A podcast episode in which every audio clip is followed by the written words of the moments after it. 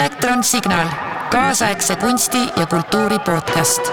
podcast tuleva ja mineva lainel.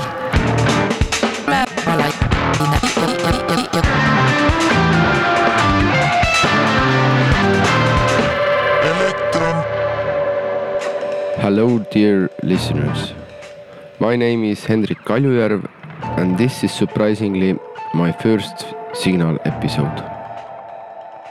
This show was publicly recorded on the 4th of March here in Elektron Studio. Uh, we are discussing online installation Forget that you may look and feel at our website elektron.art. Of course, the talk goes a lot further than uh, this installation and is not left untouched by the awful events uh, that occurred just before this recording. Sander Saarmets is a composer of electronic music and electroacoustic music. He is a talent, uh, no question about it. Please take a look around in internet and find his extraordinary works. Jan Kaus is one of the most influential living writers we have here in Estonia. Jan's ability to grasp world and all its impulses and deal with them at once is something to look up to. Uh, with Jan and Sander, we are having this discussion. Please make sure you visit the installation at elektron.art and enjoy.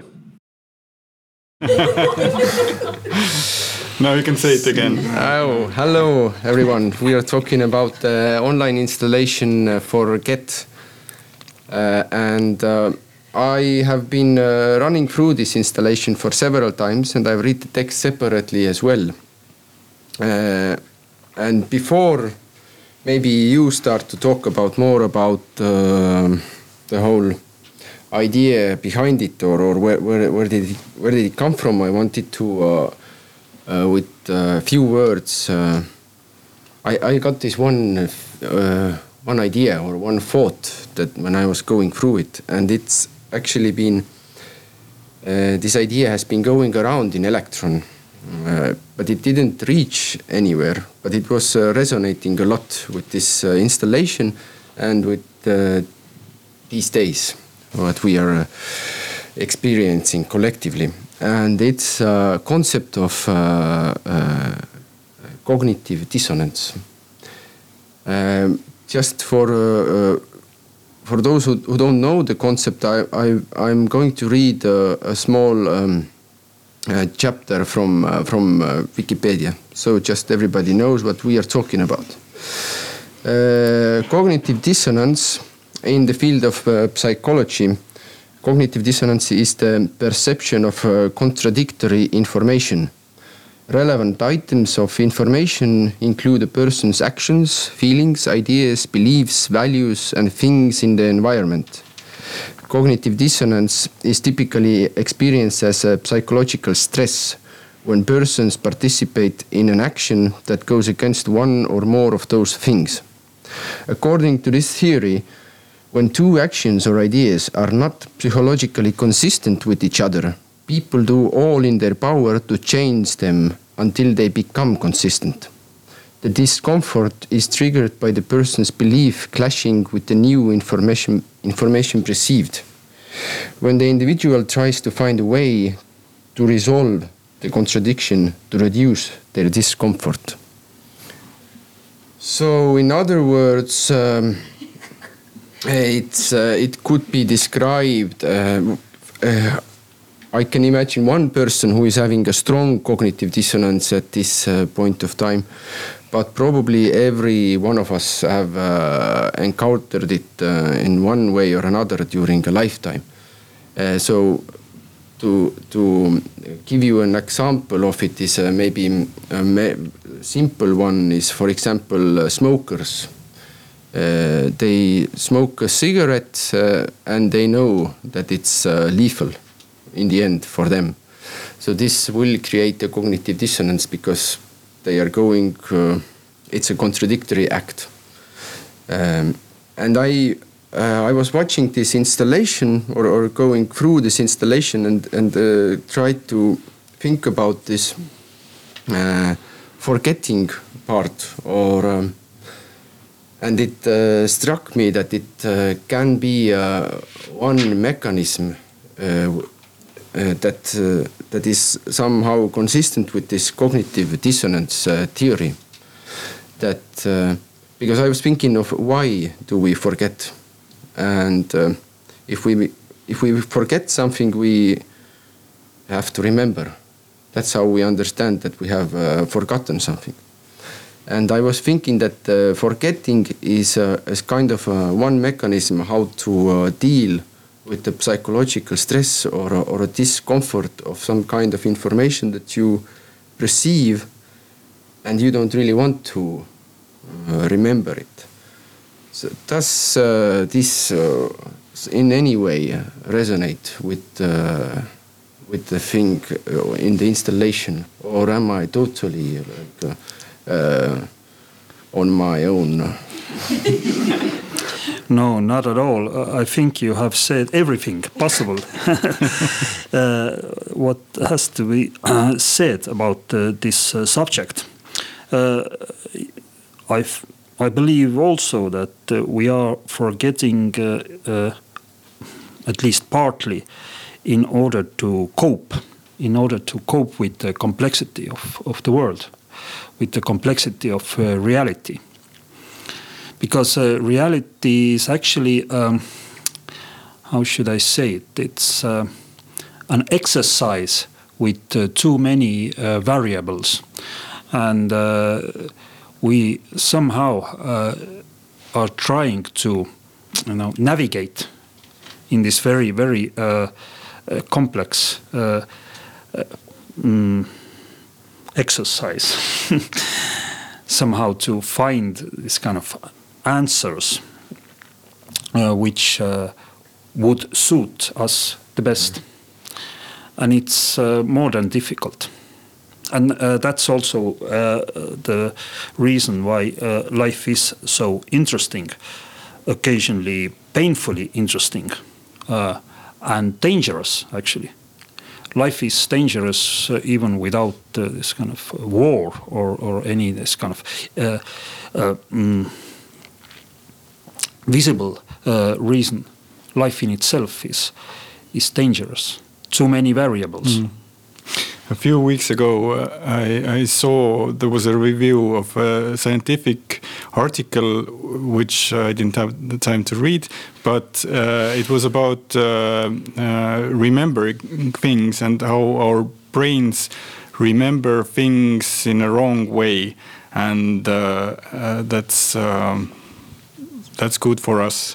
It's probably easier to store memories if, if your brain uh, puts them in, in some sort of order that suits your uh, hard drive. mm.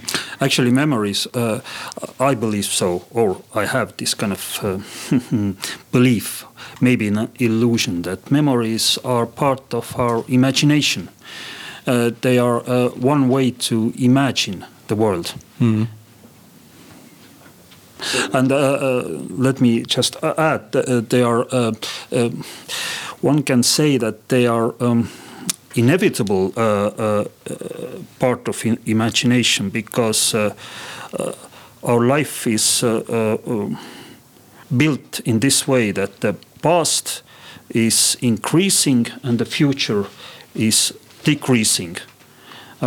As we speak because uh, those sentences I just said are already in the past. Why did you say them? and that's why, uh, as the past is uh, uh increasing, our memories uh, take constantly this kind of larger part from our from our minds, mm. and that's why it's inevitable to uh, remember and forget I think the uh, moment of death uh, is this moment when a, a, person is nothing but his or her memories. And then there's probably a moment when you have to release this knowledge and become nothing. uh, format your hard drive, so to speak. And uh, then, uh, then actually, person's life uh, sort of is beginning at this moment because then the others uh, have to remember for him or Mm. for her instead of him or instead of her. Somebody else Hard is copies. remember uh, remembering us then. Uh, so, but uh, do I understand correctly that if we remember, we do it uh, wrongly anyway? So there's no. Um, Yeah, lots of distortions. Yeah, uh, mhm. lot lots of uh, changes, and uh, it's also, you know, inevitable. in a way, it's also poetic because we tend to mm, remember things in a more beautiful way than they were, maybe really. Mm. Exaggerate a lot. Mhm. Yeah, exaggeration. It's uh, it's a good term. I have I have imagined this kind of uh, uh, machine, uh, which uh, would be able to uh, collect uh, all of my memories directly, Mm. and uh, and to make this kind of feature film of them. From every memory I have, actually. I'm uh, 51 years old, and I'm I'm wondering how long this film uh, would take. Maybe few months, not Who's going to be the director?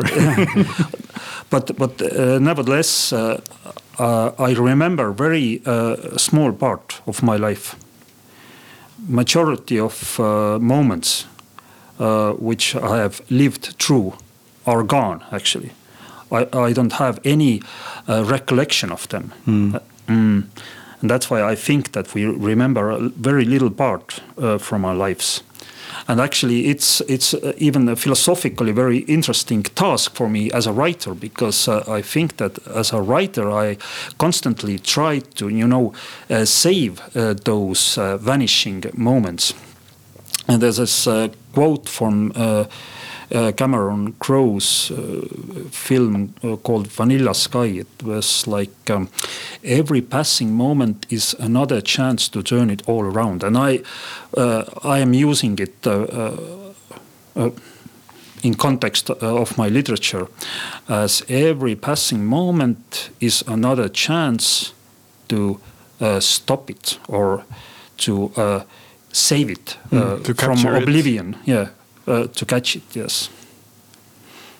I uh, wanted to also add that um, everybody else in the audience can also uh, pose questions if they if they get any.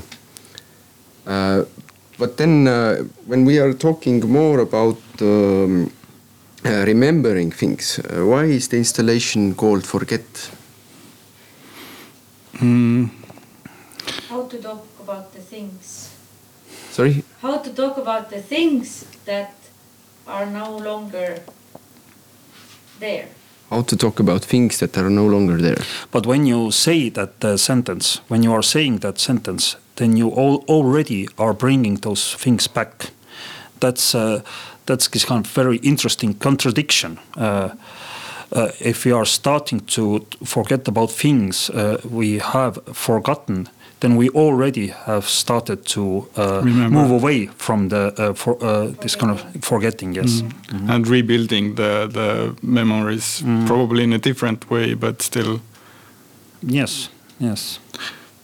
Uh, for me, why why I chose this uh, forget as the uh, starting point. Actually, this this was uh, a temporary title in the beginning, but somehow it it uh, got stuck, and I quite uh, liked it in the end.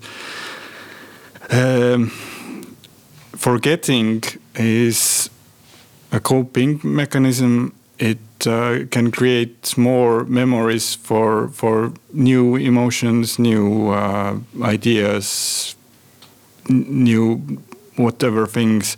It's it's necessary to forget some things to be able to move on or to uh, rediscover some new things or even old things. It's it's like there's a finite amount of, of memory you have, uh, and and from time to time you need to put something away in order to make room for for other things. That's how I feel. Mm. And I just uh, started to think about uh, that it's also uh, very interesting and important to think about uh, what are we forgetting actually, uh, because I think that uh, when a person forgets a certain event that it's not so tragical when a person uh, forgets who he or she yeah. actually is, when he's, uh, he or she is, uh, is starting to uh, forget his or her state of mind. Uh, and I think that uh, the most one of the most tragical tragical diseases in the world is actually Alzheimer disease, which is actually about forgetting yeah. person forgets who he or she actually is. So it's it's kind of uh, it's, for me it's like doubling uh, death. A, person uh, uh dies twice. Dies before mm -hmm. it mm -hmm. happens. Yeah. Mm -hmm. dies mentally before he dies uh, physically. But yeah, when they have reached the moment of of uh, death, probably they don't understand that anymore. This uh, double end is more for for others who uh, surround this person. But maybe in in some way this is also a kind of extreme coping me mechanism for avoiding uh, death or. Hmm. Can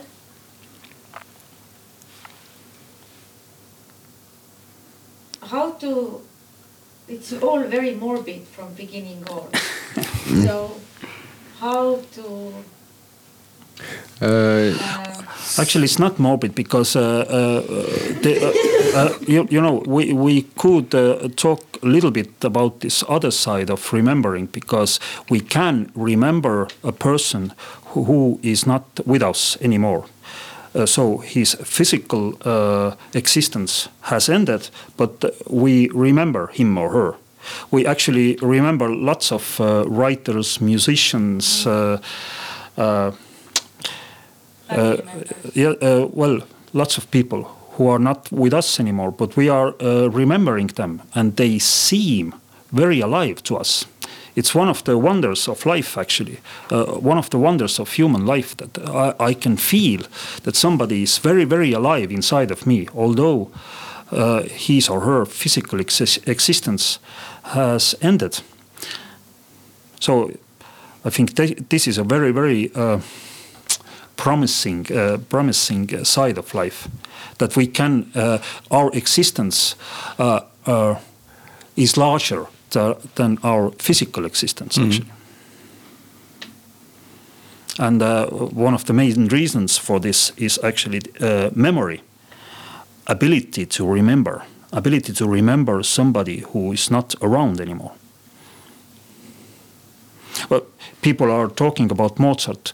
Uh, I think that uh, if somebody tries to find any part of Mozart's physical body. It's very uh, difficult. I think that a couple of his hair are somewhere, but but uh, actually it's it's very very difficult. But if you want to grasp Mozart's uh, mind, Mozart's soul, it's very easy.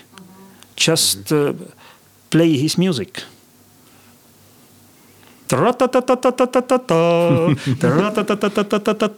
Okay, I'm not. but but anyway, Mozart is here actually.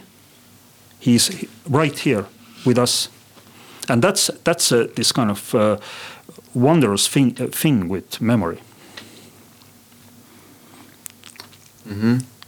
And there are still uh, many things that we are unable to forget, aren't there? We are unable to forget uh, some things we have learned, uh, language being one of them. Uh, unable to forget uh, some uh, physical aspects like uh, breathing. Actually, I don't. well majority majority of the time I don't think about my breathing. Uh, I think that I'm forgetting my breathing uh, constantly. every day I'm forgetting it that I'm breathing.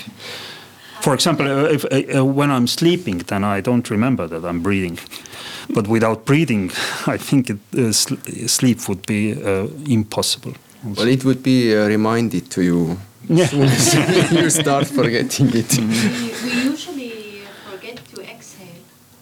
We Mm. forget to inhale, Mm. but we forget to do exhale. hmm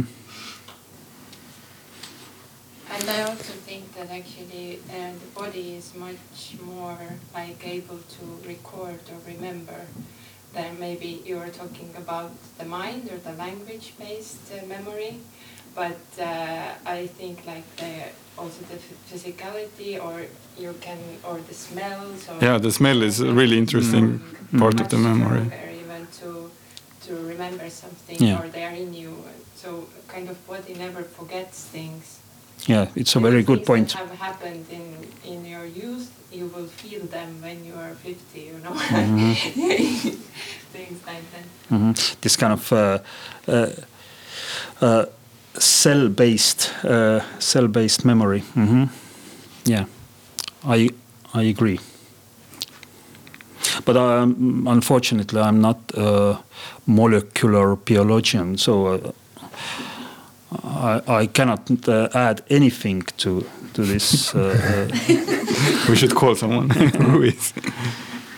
But now to come back to a little bit to this uh, installation, could you describe a little? I mean, a little bit the, the, the work itself. Um, uh, there are two sides of it. One is the um, the the sound and the overall um format, how it's been um, experienced, uh, and then there is this uh, poetical side to it. So uh, a little bit. Uh, Sander did the first one, and uh, and Jan the other. Uh, what were the most uh, important things that you came across during this work? it's all Sander's fault. Like some small personal discoveries or things like Well, uh, I would uh, start uh, from a v- very general point of view. Uh, I actually, um, if I uh, try to somehow mm, understand myself as an artist, then uh, cooperations are uh, more and more important to me. And that's why uh, Sander's uh, kind of idea came at the very right uh, moment and at the very right uh, state of mind for me, because uh, I uh, mm, very happy when different art- artists would like to uh, cooperate with me, and and we can translate each other. So we can translate words into pictures or movement movements into music and so on. So I'm also interested uh, in this very particular co- cooperations uh, which uh, allow me to uh, go outside of my, as we say comfort zone. Uh, because I'm a writer, I'm a writing person, but uh, if I have to uh, try to uh, translate uh, translate my words into this very different context, then it's very very interesting because the task that Sander gave me was something new for me. Was little bit peculiar. I w- wasn't very used used to this kind of uh, very particular task, so uh, that's why I liked it very lot because I try to find those places when I can uh, jump into the water, uh, uh, not knowing what will happen. I, I don't. Uh, I don't recommend it uh, to uh, to do it uh, if in a physical world, but in a in a, a world of creation or or in in a world of thoughts and ideas. But what was the task you got? To write differently, actually. To to write uh, to write uh, uh, in layers. In layers. Mhm, in layers. What to to write uh, like um, uh, I, I had to imagine uh, that my words uh, will uh, stand in a uh, in a in a space. Usually words are like this. It's it's a two-dimensional space, but. Uh, but Sa- uh, Sander uh, described uh, this situation for me, so I understood that this uh, space is three-dimensional for those words, and this was very interesting. That I had to change the way I I uh, think about usually think about the written text. That the written text is not uh, situated in a, a two-dimensional space, but in a three-dimension dimensional space, and uh, maybe even in a four-dimensional space. Let's not forget uh, Time. Time, yeah. Yes, when uh, Hendrik approached me about uh, doing a project like that, I uh, Everybody blames you. Yeah. he's, he's to why blame. or why, Hendrik, did you do that? I uh, immediately thought that uh, this time I want to work with a writer and I want to work with Jan. And uh, I was uh, lucky enough for this to happen. Like uh, this, uh, I'm I'm not a writer myself. I don't work with uh, texts, so I um, I knew uh, Jan's uh, language kind of or, or flow, and I, I've really enjoyed what he has written, and I. This, this is why I wanted him specifically specifically on this project, and I'm very happy he accepted. Thank you. Thank you for the kind words. And uh, usually I don't deal with words also in music. I don't uh, write choral music or vocal music. And this kind of a format for me is something in between music with text, but this is also not music. Uh, maybe it's more like creating an atmosphere or, or soundscape, but but the text is the most important part in this, and how to uh, uh, navigate the text, uh, how to make use of its natural flow and how to also involve the audience in uh, going through this.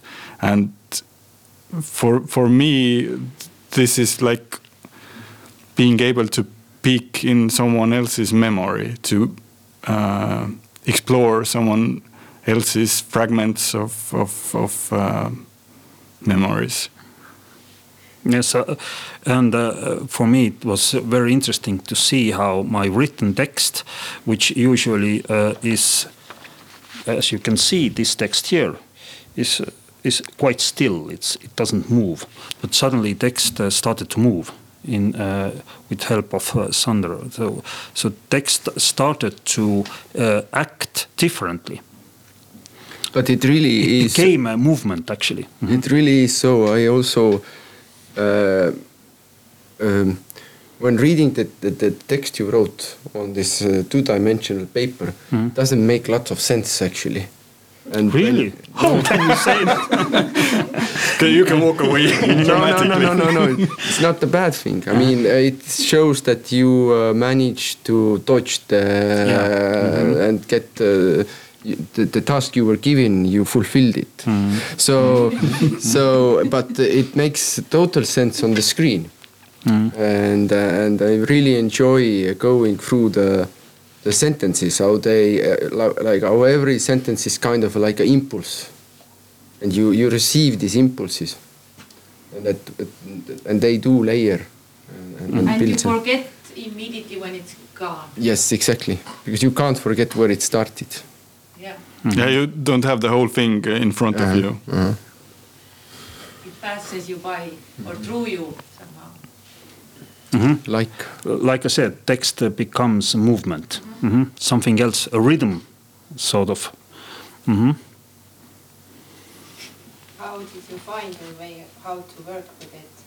Like how it uh, or how it changed your way of writing? Did you find like a score or, or something for yourself? How did you find the rhythm or, or Actually, uh, when I wrote, I used colors.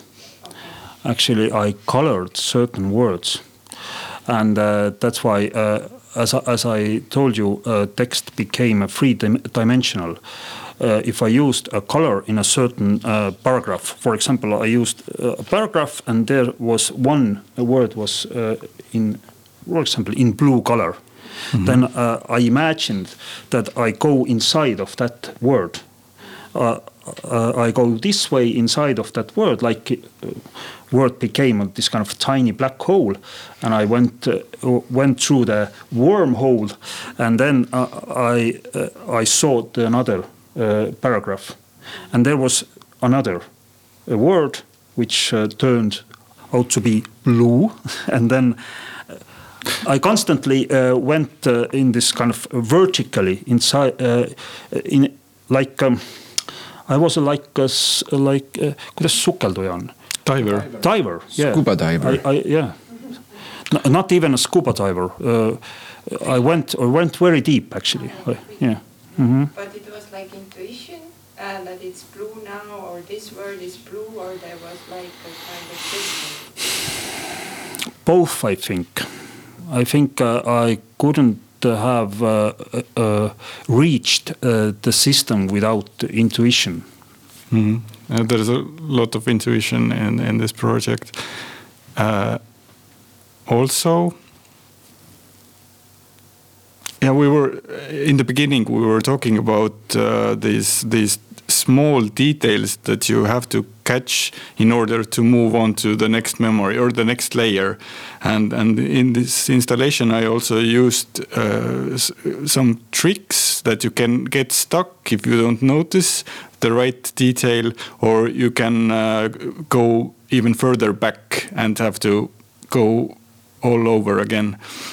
And uh, this, for me, feels like a really interesting way to think about text or, or the particip- participation of, of the audience that you really have to be there and you have to uh, be able to catch certain things in order to advance. In a way it's like a game or or or remembering things that that uh, have been forgotten. You have this tiny detail and if you catch it you will be able to remember a whole lot more about the whole thing.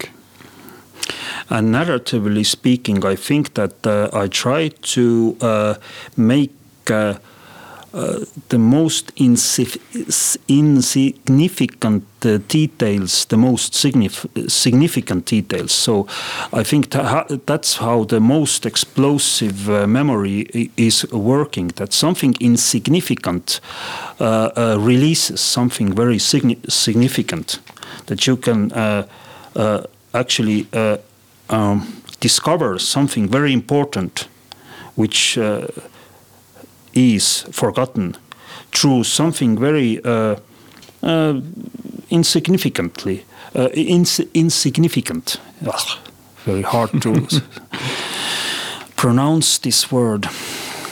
But yes, uh, this kind of uh, tension uh, between the insi- insignificant and signific- significant things were, was this kind of very interesting layer also for me. How, how mind, mind is uh, uh, working in this, in this uh, tension. But then in the beginning, did you thought out these uh, little black holes, those blue words, and then circled around, or did you? it's very hard to explain how uh, this kind of uh, how those texts uh, came to be because I actually used uh, personal experiences I was uh, uh, living through at the time when I wrote them. Actually, I was in uh, Latvia in Ventspils, and actually I I used my personal, very trivial everyday experiences to as as some kind of starting points, uh, which would lead me to this kind of traumatic uh, revelations, uh, and so. Um, mm, I used this kind of everyday, personal everyday life and this kind of and, this kind of literary, literary ideas about memory, personal and general. So it's uh, Ventspils, the town you are describing there. In the, yes, yes. Actually, it's Ventspils. Yeah, it's a very, uh, very peculiar town. It's, uh, it's uh, very, it's some old uh, and uh, tiny uh, Latvian town. And there are lots of wind. It's very windy place, uh, and. Well, well, it's a very good place to uh, become philosophical, to uh, think about life. Good that you turned it around. It- Before it seemed like a, a negative uh, commentary on the town itself. Don't go there. Well, yes, uh, that's why you have to go there because uh, uh, because uh, you have to. Well, it's a, it's a very good place to uh, think uh, things over, to gather yourself, and actually at the same time lose yourself. Forget yourself, maybe even. Yes, yes, that's true. That's true. And find yourself again. elektronsignaal, kaasaegse kunsti ja kultuuri podcast. podcast tuleva ja mineva lainel. tuleva lainel.